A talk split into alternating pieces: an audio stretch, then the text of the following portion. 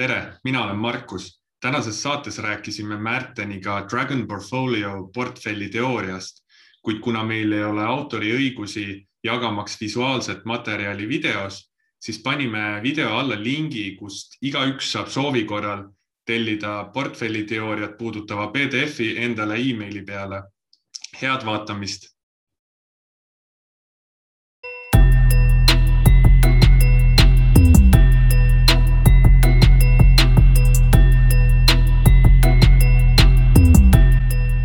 tulemast äh, vaatama järjekordset äh, episoodi saatest äh, Börsijutud, investor versus kaupleja. mina olen Märten ja vaatan maailma investori pilgu läbi. hei, hei, mina olen Markus ja seisan siin kauplejate huvide eest, et keegi osta-hoia B-suhte ja muudesse lõksudesse ei astuks. täna ähm, teeme võib-olla natukene teistsuguse saate kui tavaliselt äh, Markus ei tea kunagi, mida mina küsin ja mina ei tea, mida, mida tema küsib, siis ähm, saate esimeses küsimuses äh, me nüüd mõlemad teame, millest juttu tuleb.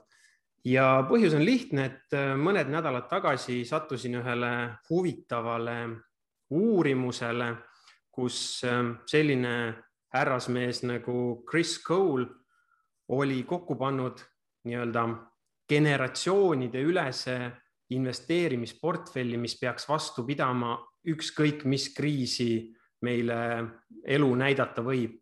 ehk siis äh, portfell, mille nimi on Dragon Portfolio. ja, ja lühidalt sissejuhatuseks, et, äh, et äh, ta e-, nagu eristas siis seal neli erinevat faasi, ta vaatas aast, ajas üheksakümmend aastat tagasi ja, ja eristas siis neli erinevat faasi, mis meil majanduses ja finantsturgudel on ähm, esimene on siis selline pikaajaline langus või, või, või depressioon ja, ja kriisiperiood. teine on taassünd või, või siis nii-öelda rebirth ja sellele järgneb tavaliselt stagnatsioon ja, ja sellele siis omakorda buumiperiood. ja, ja kõik need ajastud kestsid siis ähm, ligikaudu noh, vahemikus viisteist kuni kakskümmend viis aastat. ja, ja tema põhiidee oli siis, oli siis selles, et, et kõik see kaasaegne portfelliteooria, millest meil räägitakse, mille peale on üles ehitatud pensionifondid äh,, eraisikute investeerimisportfellid, see baseerub ainult viimasel noh, ligikaudu neljakümnel, viiekümnel aastal, mis on meil tegelikult olnud valdavalt see nii-öelda buumifaas. Ja, ja selline, kus siis intressimäärad olid väga kõrged nüüd on kõvasti alla tulnud ehk võlakirjadel on läinud väga hästi ja väga hästi on läinud ka kõigil niinimetatud riskivaradel ehk siis äh, aktsiad, kinnisvara, krediit ja nii edasi. ja, ja selline on siis sissejuhatus. Markus, mis sulle sealt nagu esmalt äh, silma jäi, kui sa, kui sa seda paberit lugesid? Äh, ma kõigepealt selle sinu sissejuhatuse peale ka küsiks, et miks kaks tuhat seitse see nii-öelda buumiperiood ära lõppes, sest äh, kas nad, kas ta on võtnud seal mingi ajalise järguna seda, sest tegelikult ju osaluspõhised riskivarad ja kinnisvara on lennanud veel neliteist aastat peale seda.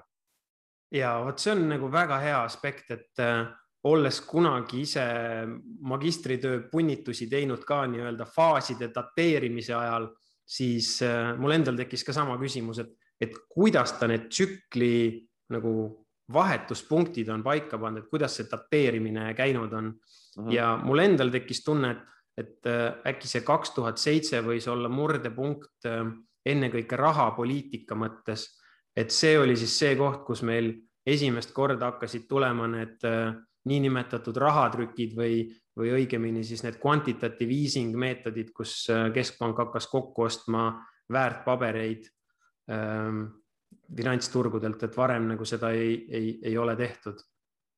okei okay,, aga muidu mõned mõtted, äh, huvitav oli vaadata seda. mulle meeldis see, et see nii-öelda saja aasta data peal oli testitud, et ta läbivalt saja aasta jooksul toimis suhteliselt hästi. mitte saja aasta lõpuks ei toiminud hästi et tihti näidatakse meile mingeid indeksite või aktsiagraafikuid, kus võetakse saja aasta graafik ette ja siis on umbes see, et aga näe, vaata, kus me täna oleme, et kõik on hästi, on ju, et lihtsalt hoia, on ju. esiteks, mul ei ole sadat aastat aega hoida oma pensioniks. üldjuhul on inimestel kakskümmend kuni kolmkümmend aastat aega, et pensioniks koguda ja investeerida ja, ja selle saja aasta, noh näiteks vaadates mõndasid indeksite või aktsiate graafikuid, selle saja aasta sees on tegelikult äh, olnud äh, rohkem kui ükskord selliseid kahekümne aasta perioode, kus tootlus on olnud kas külgsuunaline või negatiivne isegi. et äh, see mulle meeldis, et see Dragon portfolio oli saja aasta põhjal tehtud, aga selline jooksvalt läbivalt siis hea portfell, mitte nüüd sada aastat hiljem on ju, et, et me kahjuks mm -hmm. ei ela saja viiekümne aastaseks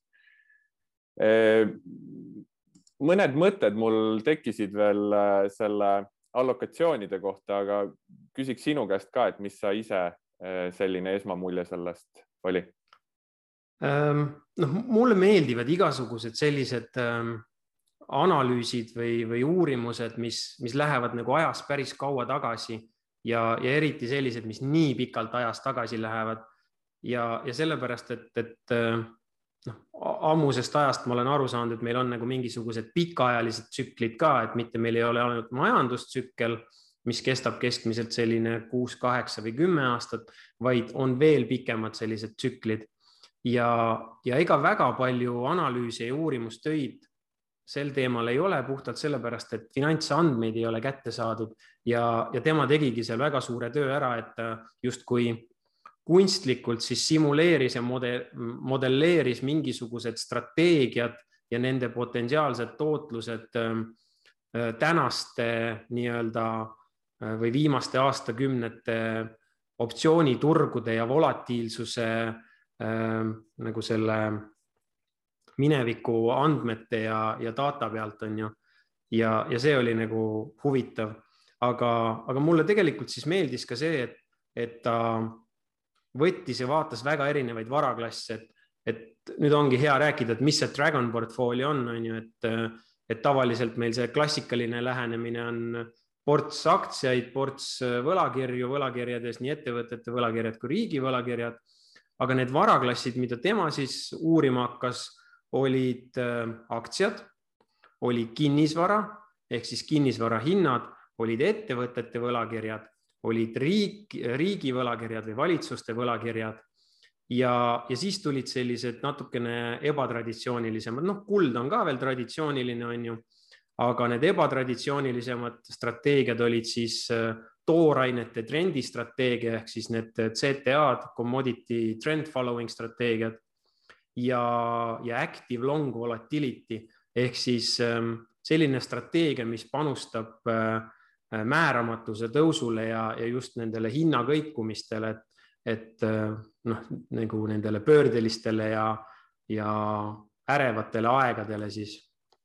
ja, ja lõpuks see portfell sai siis kokku selline, et, et laias laastus ähm, on seal viis varaklassi ja kõigi osakaal on noh, enam-vähem võrdne, et natukene aktsiatel on suurem, aga põhimõtteliselt võime öelda, et lööme siis viieks, et äh, aktsiad kakskümmend protsenti võlakirjad kakskümmend, kuld kakskümmend, ähm, toorainete trendi järgimise strateegia kakskümmend protsenti ja viimane on siis long volatility ehk siis hinnakõikumisele panustav strateegia. ja, ja see kõik on tore, on ju, teoorias ähm, väga huvitavad justkui varaklassid või aspektid, mis on lisatud, aga kus nüüd tuleb see murekoht, on see, et, äh, et mina ja sina ja teie vaatajad on ju et uh, commodity trend following, long volatility strategies, kuidas me peaksime seda oma portfellis rakendama, on ju? ma, ma just tahtsin küsida, et see long vol on, äh, kuidas sina seda näed, mina saan aru, et see on kas äh, läbi optsioonide ostmise, et noh, optsioone ostes sa tegelikult panustad ju koolidega tõusvale volatiil, nii-öelda tõusva turu volatiilsusele ja put'i ostmisega langeva turu volatiilsusele, kui sa müüd optsioone, siis sind pigem huvitab äh, mitte volatiilne turg ja las ta seal külgsuunas äh, vaikselt tiksub sinna aegumiskuupäevani ära, onju. või siis teine variant, et sa ostadki lihtsalt mingit VIX-i ETN-i ja hoiad seda siis vastu trendi või? noh, pigem on ju, nad äh, vaatavad siis, nad püüavad olla selle alusvara suhtes neutraalsed ja, ja panustadagi siis sellele ähm, nagu hinnakõikumise ulatuse laienemisele ehk volatiilsusele endale ainult.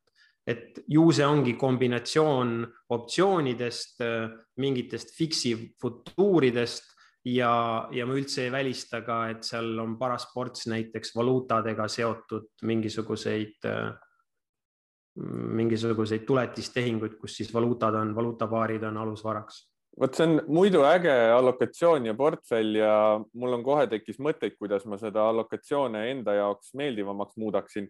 aga ma kardan, siin üks probleem sellise keskmise jaeinvestori jaoks on see, et, et päris palju äh, kodutööd ja uurimust peab tegema ja isegi kui sa paned need strateegiad paika, sa pead seda nii hästi läbi uurima ja tundma, et sul on usku sellesse et väga raske on, ma arvan, keskmisel investoril hoida mingit äh, long-wall strateegiat, kui see järgmised kolm kuni viis aastat peksa saab ja raha kaotab. et väga raske on seda hoida läbi kaotuste, et see ja. ikkagi läheb sellise aktiivse portfellihalduse slaš kauplemise poole minu jaoks mm -hmm.. noh, põhimõtteliselt siin ongi, et kuna ta on oma selles uurimustöös ju äh, faaside kaupa kenasti kõik strateegiad lahti löönud siis äh, kui me vaatame seda active long volatility't, siis ta põhimõtteliselt äh, taassünni faasis ta on enam-vähem nullis.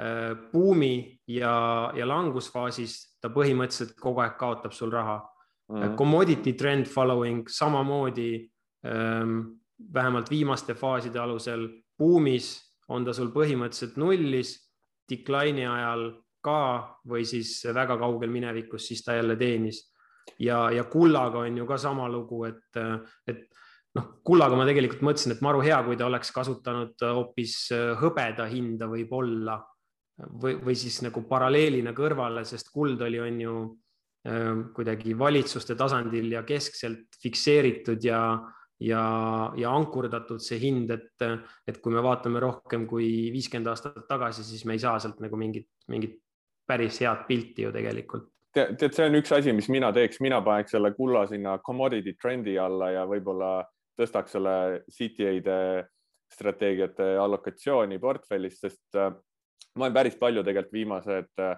aasta-poolteist CTA, CTA-sid ehk commodity trading advisor eid äh, jälginud, sest ma olen palju nende trendi jälgimise põhimõtteid võtnud üle enda jaoks aktsiaportfelli ja hmm. noh, nemad kauplevad tihti olgu see siis kuld, hõbe, plaatinum, vask äh, või nafta, sojaubad. Äh, äh, paljud trendijälgijad siis kohtlevad neid turge täiesti võrdselt, ühtemoodi, ühtede signaalide alusel lähevad nii pikaks kui lühikeseks, et ma iseenesest ma nagu ei näe, et ma ise tahaks kulda eraldi hoida, kui ma juba igasuguseid toormeid kauplen.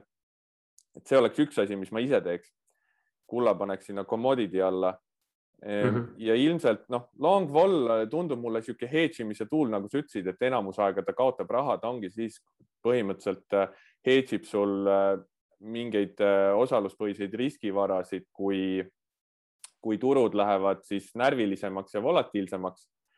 aga mis ma ise, mida ma olen ka ise mõelnud, mis ma võib-olla, kui ma teeksin, et kui ma ise hetkel näiteks kauplen põhiliselt aktsiatega, et lisadagi portfelli siis neid commodity eid, valuutapaare mm.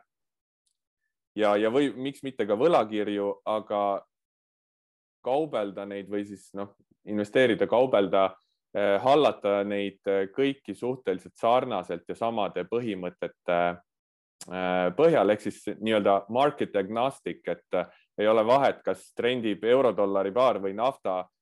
ma justkui käsitlen neid turge nagu ühtemoodi mm. -hmm et mina no,, mina ja. ütleme kokkuvõtvalt kiirelt, mina ilmselt teeks oma selle allokatsiooni nii, et võtaks kulla, paneks commodity trendi alla, võtaks selle commodity trendi äh, aktsiad ja siis äh, noh, kolmandaks võib-olla veel mingid võlakirjad ja tegelikult paneks siis võib-olla need äh, kõik kolmandik, kolmandik, kolmandik ja haldaks neid suhteliselt sarnaselt mm. -hmm ma jagan oma mõtteid ka, et kuidas ma siis äh, selle uue teadmise valguses oma portfelli, ütleme siis ideaalset portfelli vaataks või vaatangi.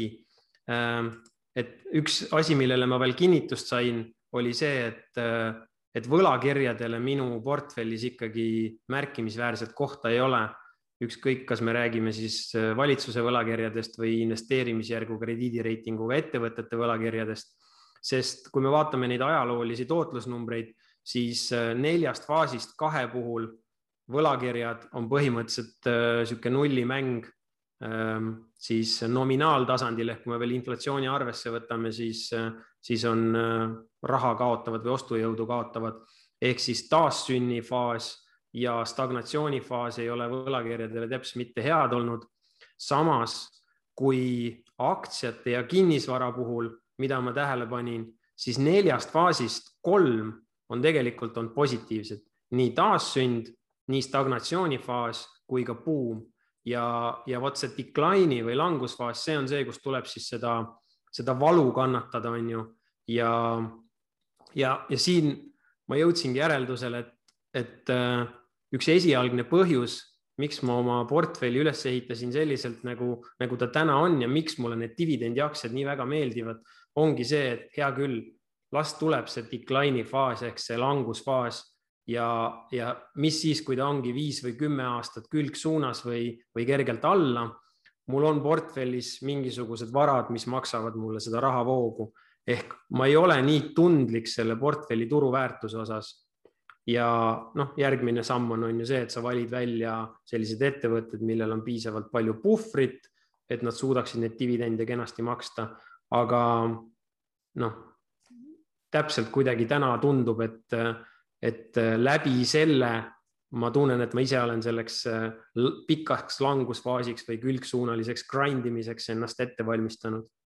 jah, noh, see on sarnasel põhjusel mina siis tegin endale sellise ka aktiivse portfellihalduse slaš kauplemise äh, variandi või, või reeglid, et äh, see on see, siin tuli välja ka see osta-hoia, see buying the equity declines, et uh, buy the dip nii-öelda, et alati mm -hmm. ostad langust ja minule seda väga meeldis näha, et see on selline kümne-kahekümne aasta, viimase kümne-kahekümne aasta eripära olnud ja ei ole läbi ajaloo kogu aeg nii hästi toiminud ja minu meelest see on päris päris omamoodi ohtlik on see, et lihtsalt ostan, hoian ja loodan, et keskpangad alati oma turumanipulatsiooniga kõik kriisid ära lahendavad ja meil enam mingeid pikki karuturge ei tule, et noh, tegelikult ju osta-hoia puhul mingil määral see lootus on, sa justkui nagu ostad ja loodad, et nüüd ka nüüd järgmine kümnend äh, turud tõusevad, aga tegelikult just nii palju on jäetud sellele viimase kümnendi optimismile äh, sellepärast, et kui me vaatame näiteks SB viiesaja indeksit kaks tuhat kuni kaks tuhat kümme on ju, siis kümme, kümne aasta jooksul oli kaks miinus viiekümne protsendist äh, kukkumist ja terve kümnend jäi äh, negatiivse tootlusega. et see osta-hoia ei ole, noh, ei saa oma portfelli sellele ehitada, et nüüd kakskümmend aastat on pensionini, ma lihtsalt ostan, hoian aktsiaid ja siis, kui mina jään pensionile, siis on head ajad, pulliturg on tipus ja hakkan seda raha kasutama, et äh, minu meelest see on nagu midagi, millele mõelda. Ja võttagi siis dividendiaktsiaid portfelli on ju, mis maksavad sulle vaikselt. no vot, minule meeldib, minu noh, minul on see, minu see põhimõte on see, et on, mul on trendi jälgimispositsioonid ja siis trendi vastu minevad äh, lühiajalisemad swing'i positsioonid, mis siis üksteist kompenseerivad erinevates turu äh, ja ma ise mõtlen ka seda Dragon portfooliot vaadates, et äh, kas mul see oma aktsiaportfelli strateegiat, strateegiaid saaks nendel põhimõtetel kuidagi äh, nende tsüklite jaoks siis nagu veel paremaks optimeerida. ma nagu püüan mõelda, et, et mis mulle ei võiks meeldida oma portfelli ülesehituses, süstemaatiline reeglitel mm. lähenemine, hajutatus sektorite, aktsiate vahel, äh, strateegiate vahel pikaks-lühikeseks kaotuste limiteerimine, võitjate hoidmine. ma ei tea, mis siin ei saa sobida, mulle nagu kõik meeldib selle juures. Aga igatahes äh, need olid meie mõtted äh, Dragon portfoolio teemadel. Ähm, mõningaid graafikuid saate vaadata nii, et panete video pausi peale või paneme ka lingi alla kommentaaridesse kogu sellele analüüsile ja andke teada, et äh, mis on teie nagu eelistus või lähenemine, et et mis varaklasse te võtaksite, mida kindlasti mitte, on ju, et mida võtaks, mida jätaks, oleks täitsa huvitav kuulda. Jah, seda oleks huvitav äh, lugeda kommentaariumist, et mis vaatajad-kuulajad arvavad. aga ma küsin sinult, äh, lugesin hiljuti su blogis, et äh, avaldasid seal oma mõtteid, kuidas edaspidi kajastada oma portfelli liikumisi, tootlusi, oled praegu näidanud seal oma dividendi tulusid ja, ja minu jaoks väga huvitav olnud, et äh, minu meelest üldse su blogi on siin äh, eestikeelsed, vähemalt eestikeelsete blogide hulgas, investeerimisblogide hulgas üks äh, top blogisid, mida mina olen suhteliselt algusest peale siiamaani jälginud ja lugenud. aga tahtsin küsida sellist asja, et kui sa nüüd, üks asi, mis ma tegelikult olen saanud aru hästi sinu mõtteviisist ajapikku, et sa ei ajagi taga ainult seda suurt dividenditootlust, vaid sind siiski huvitab ka see ettevõtte kasv ja see on olnud midagi, mis ma olen hakanud viimasel ajal rohkem aru saama sinu stiilist. aga küsimus ise, et kindlasti paljud sinu jälgijad ja õpilased on küsinud, et kui ma teen kõike nagu Märten, ma vaatan dividendi kasvatavaid ettevõtteid, ma vaatan neid kasvuettevõtteid, ma tahan olla investor nagu Märten, palju ma pappi teenin, palju see tootlus saab olema, kuidas sa neile vastad selle peale? kui sa valid need dividendiaktsiad äh, välja piisavalt hästi, siis äh, heal juhul paar protsenti üle turu keskmise, kui me mõõdame üle viie või kümne aasta. see ongi vastus. see on heal juhul. Äh, ma iseenda jaoks alguses seadsin eesmärgi, et kui ma suudan turuindeksiga üle kolme või viie aastaste aknate mõõdetuna, turuindeksiga olla ühe joone peal, aga minu portfell maksab stabiilsemaid ja, ja nii-öelda kiiremini kasvavaid dividende, siis ma võin teha linnukese tšekk, et minu strateegia on edukas. kui ma suudan välja pigistada rohkem tootlust kogutootluse mõttes, siis väga hea, aga alguses mulle oli see dividendivoog ja see stabiilsus nagu hästi oluline või noh, siis ikkagi see dividendide kasv. kas see vastas su küsimusele? ja, ja väga hea, ma arvan, et äh, siin veel sellega seoses meelde tuletada, et ikkagi tootlust äh, mina vähemalt hindan kümne, kahekümne aasta põhjal aasta keskmisi tootlusi, kui ma mõtlen tootlustele üleüldse turgudel.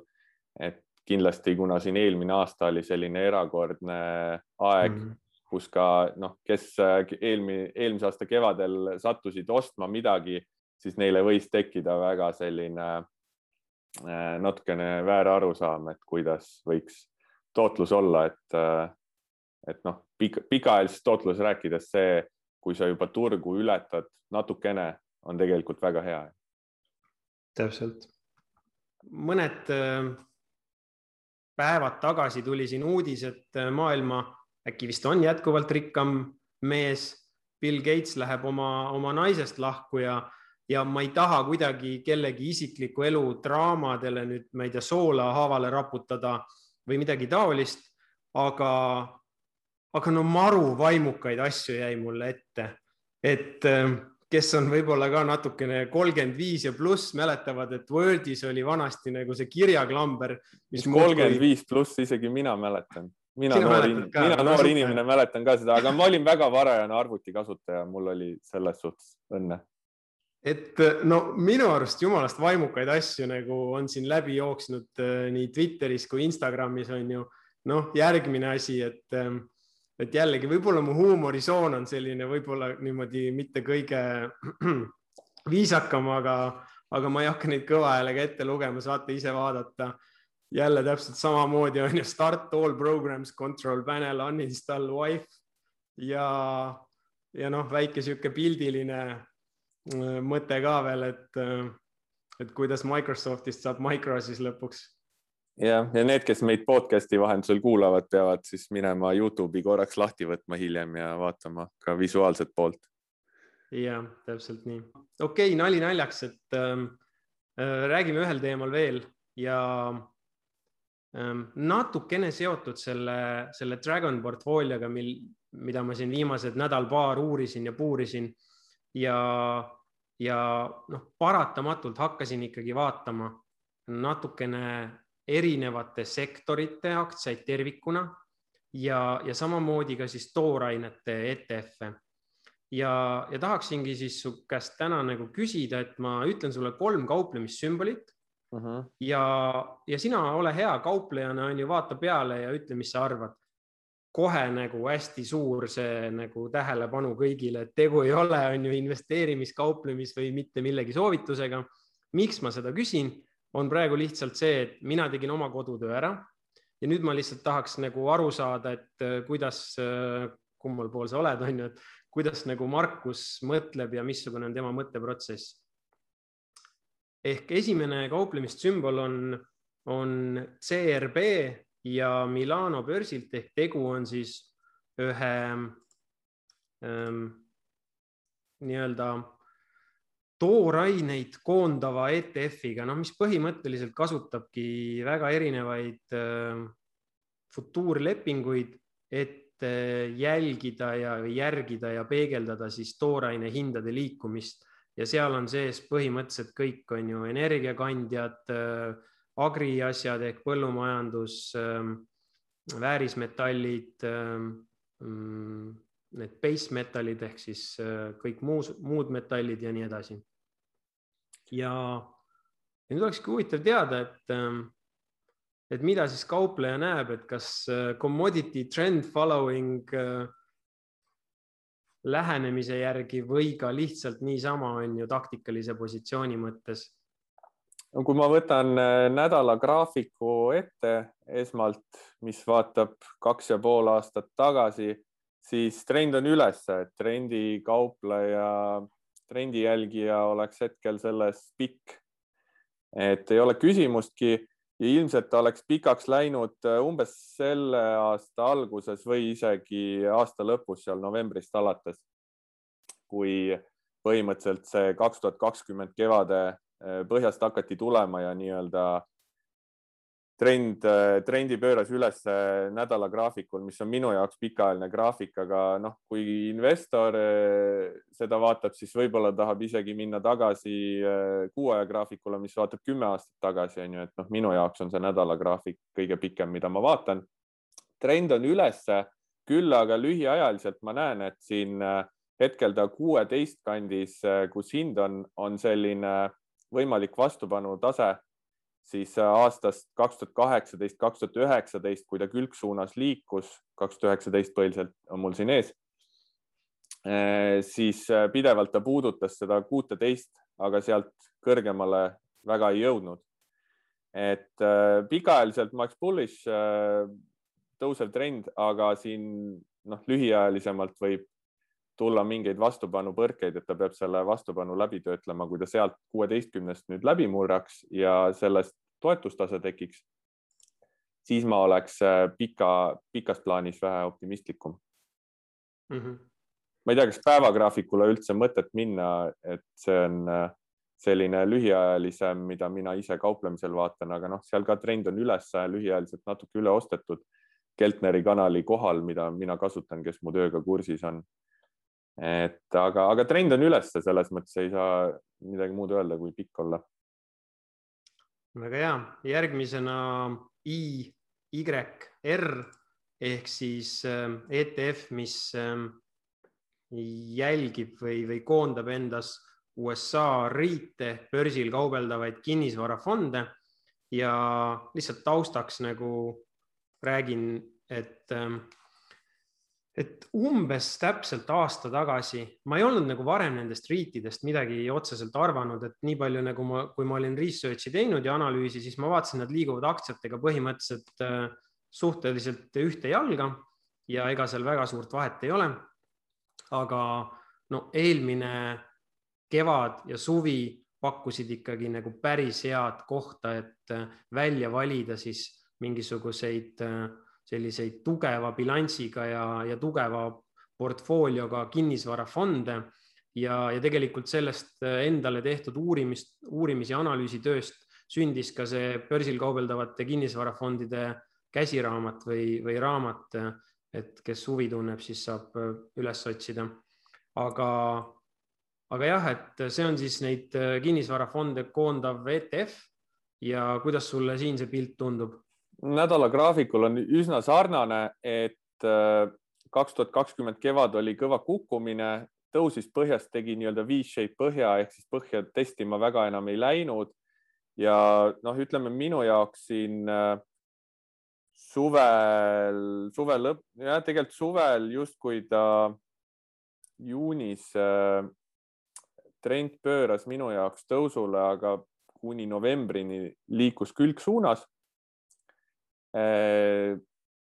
ja siis hakkas nüüd tõusma, aga see pilt on selles mõttes suhteliselt sarnane, et siin on kaks tuhat kakskümmend alguse veebruari tipp üheksakümne seitsme, kaheksa, üheksakümne seitsme, üheksakümne kaheksa juures pakub natukene vastupanu taset, kuhu ta hetkel on tõusnud.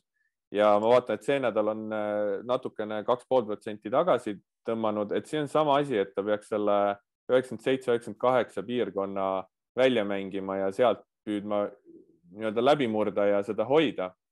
aga hetkel ta on ka siin nädala graafikul kanali ülemise, ülemise joone juures ja võtnud suuna alla siis kahekümne ühe nädala EMA exponential moving average'i poole. ehk siis ma, ma ise eeldaks, et mingi väikse pullback'i võiks ta teha, minna uuesti seda üheksakümmend kaheksat testima ja siis sealt läbi murda, aga trend on ülesse, et trendikaupleja on ka siin hetkel mm. suure tõenäosusega pikk. lihtsalt mm., mis ma tahan öelda, et kui ma ütlen, et hetkel olla pikk, siis ikkagi äh, riski hallata ja võimaliku languse puhul noh, mina astuksin välja, et mm. ütleme, kui see hind kukub siia kuskile ehm, kaheksakümne kuue, kaheksakümne viie juurde ja sealt alla hakkab minema, et siis äh, see on võib-olla selline sulgemispõhine stopi koht mm. -hmm. selge pilt ja viimane ja kolmas äh, USA börsilt tikker on S ja B. nõrk B siis tegelikult ei ole Äh, tõenäoliselt äh, USA firma lihtsalt USA börsil listitud ja kui ma ise selle graafiku nüüd ka jälle lahti võtan, siis, siis ma hakkan vaatama, et mul on vist mingi muster täna noh mm,. SB Safe Bulkers. täpselt. Nädala graafikul oli pikk langustrend, noh, mina vaatan siis kaks pool aastat tagasi, kaks tuhat kaheksateist lõpust alates sügisest ma näen, oli langustrend, tegi mm,, tegi siin kolmekordset põhja, viimane põhi oli november kaks tuhat kakskümmend, hakkas tõusma. Ütleme, see nädala graafikul see jaanuari alguse, selle aasta jaanuari alguse pikk küünal oleks olnud niisugune sisenemise koht, kui oleks seda olnud huvi vaadata. noh, praegu ta on tugevas tõusutrendis et äh, kindlasti jälle pigem olla pikk kui, kui, kui lühike, on ju, et tõusval turul tahan äh, olla sees ja sõita. Aga noh, hetkel minu jaoks on natuke hilja siseneda, et lihtsalt see ei paku mulle hea riskitulususe su suhtega mm. sisenemiskohta, kuna ta on siin äh, välja venitatud oma libiseva keskmise juurest minu jaoks siin üle kolmekordse Keltneri kanali, et jah, ma lihtsalt ma ütlen, see võib, kui ma oleksin siin sees juba, siis ma kindlasti -hmm. hoiaks seda edasi. aga hetkel sisenemiseks ma ise otsiks midagi paremat. Kui me jätame nüüd nagu kõik selle fundamentaalse poole kõrvale, et mis fondide või, või aktsiatega tegu ja, ja ma ütlen sulle, et või palun sul öelda, et nendest set-up idest, missugune on kõige potentsiaalikam, siis oskad sa midagi neist kolmest välja tuua? jälle ma nagu rõhutan, on ju, et see ei ole kuidagi mingisugune uh -huh. kauplemis- või investeerimissoovitus, aga. Tegelikult seesama võib-olla SB selles mõttes, et siin ei ole sellist lühiajalist vastupanutaset, siin ta teeb uusi tippe ja kuigi paljudele tundub see uute tippude ostmine hästi riskantne, siis kui te vaatate tagantjärele eh, kõige paremaid, tugevamaid tõusutrende, siis hind teeb pidevalt uusi tippe. Ehk siis sa tegelikult ei tea, et kas see uus tipp on nüüd see trendi algus, keskpunkt või lõpupunkt, aga riski noh, võib-olla ikkagi siin võtaks, sellepärast et eelneval kahel tikeril oli see, see vastupanu tase nagu ilusti näha, et nendel ma tahaks näha. kaks tuhat, kaks tuhat kaheksateist veebruar, märts sinu graafikule praegu ei tule, on ju? Äh, ei tule jah. kui sa natukene pikemaks graafiku venitad, siis äh, siis põhimõtteliselt meil on seal nelja dollari peal, noh, kolm pool neli, meil on umbes sama, sama teema nagu vist kõigi teistega, et on seal mingi mineviku eelmiste aastate tipud parasjagu. ja nüüd näen tõesti kaks tuhat seitseteist, kaheksateist on, aga isegi sealt ta on, ta on ikkagi sulgemispõhiselt, noh, hetkel on nädal veel, nädal ei ole sulge, sulgunud, aga ütleme, kui see nädal sulgub nüüd üle nelja ja pigem sinna neli koma üks ja ülesse sulguks, siis see oleks päris bullish, ma ikkagi pigem nendest kolmest ostaks seda, kuigi see ei ole mhm. teistele soovitus, sest et isegi kui ma seda ostaks, kui see nüüd äh, äh, tõus ei jätku ja, ja ka mitte külgsuund, vaid hakkab kukkuma, kukuks oma sellest kahekümne ühe nädala EMA-st allapoole, siis ma lihtsalt väljuks kahjumile mm. -hmm. no vot, kui huvitav. Mina ise oleks pakkunud nendest kolmest, see, on just nagu kuidagi kõige vähem atraktiivne, aga väga huvitav. Ma, ma ise, noh, kui ma vaatan seda graafikut, ma ootaks, et ega ta siit nüüd äh, ei pruugi kohe sama tugevalt edasi tõusta, et äh, praegu sisenedes äh, su suure tõenäosusega peaks kannatama mingi hetk vaikselt langevat külgsuunda, mis tegelikult pikaajalise vaatega oleks bullish, et kui, kui peale tõusu, noh nagu siin oli see, siin kohe see eelnev EMA äh, puudutamine veebruaris, et täpselt sama nagu veebruaris tulistas siit üles EMA-st, Keltnerist läbi, tuli tagasi EMA juurde ja jätkas et noh, midagi sarnast tahaks näha mm. -hmm. Twitteris nägin sellist sõnumit trendikaupleja poolt Tom Bassau ja tweetis siis vastuseks sellise lause, ma loen selle ette siis eesti keeles. trendi kauplemisel on eesmärk püsida positsioonis kogu ülejäänud elu. mul ei ole see veel kordagi juhtunud, aga endiselt loodan Äh, kaitsev stopp võtab mingi hetk positsioonist välja, naudi sõitu. minu jaoks lihtsalt selline, just selliste pullback'ide ja korrektsioonide puhul midagi, mida vaja üle korrata, et ma tahan olla selles trendis sees nii kaua kui võimalik, mitte hakata arvama, kas nüüd see on pöördekoht, kas see on trendi lõpp, pullback või mitte. ma tahan olla nii kaua sees, kuni minu jaoks on tõusutrend ja kui trend saab läbi, siis stopp võtab mu nagunii välja, ma ei pea ise arvama, millal see juhtub. kuidas sulle see lause tundub?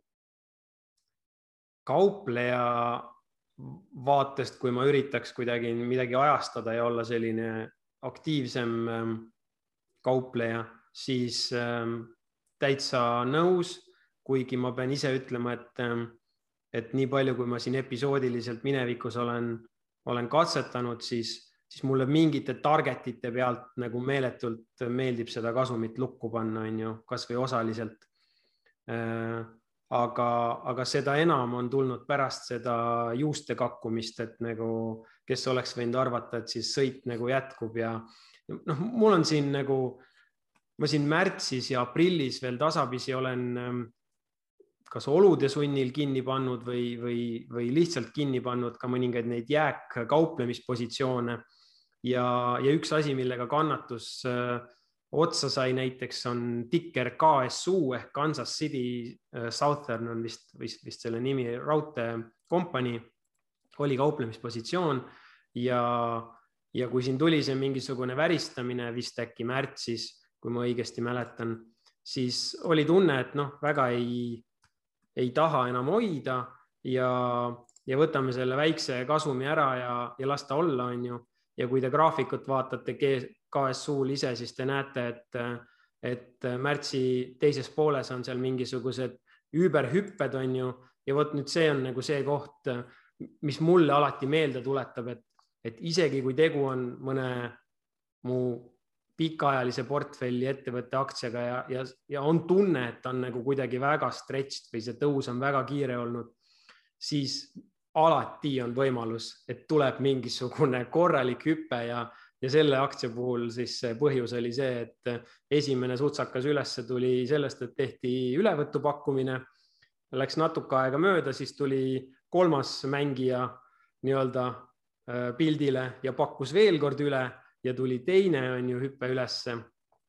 et äh, ma olen see... suhteliselt nõus selle selle ütlusega. see, see on see näide, mis ma just hetk tagasi ka ütlesin, et äh, siin on näha, kuidas äh, kaks tuhat kakskümmend hakkas tegema kogu aeg uusi tippe, kaks tuhat kakskümmend üks algus tegi uue tipu ja nüüd veel kõrgema, veel parema uue tipu mm. -hmm. et äh, noh, see näitab lihtsalt seda, et neid uute tipp, olenevalt situatsioonist, neid uute tippude ostmist ei pea alati kartma, et nüüd kohe sealt äh, kukkuma hakkab. et siin on nagu see mm -hmm. näide, et, et kes siin kaks tuhat kakskümmend lõpp ja kaks tuhat kakskümmend üks algus seda uut tippu ostis, siis tegelikult tagantjärgi see tõusis veel kenasti. aga kui ma veel nagu mõtlen selle tsitaadi peale, mis sa ette lugesid ja, ja, ja mõtlen veidi suurema pildi peale, et äh, unustame ära, et, äh, et sina oled nagu see kaupleja, on ju, mina olen see aktiivne aktsiavalija ja, ja vaatame, äh, kas keskmist erainvestorit, kes lihtsalt nagu regulaarselt investeerib või, või ka episoodiliselt ja, ja vaatame ka fondijuhte kaasa arvatud mina isa, mina ise umbes viis või kümme aastat tagasi, siis ma tahaks võtta sellesama tsitaadi ja jätta ära sealt ühe lause vahelt ja öelda seda kogu aktsiapositsiooni kohta tegelikult. et ma tahaks selle vahelt ära võtta, et nagu sa saad stopiga välja visatud. sellepärast see..., yeah.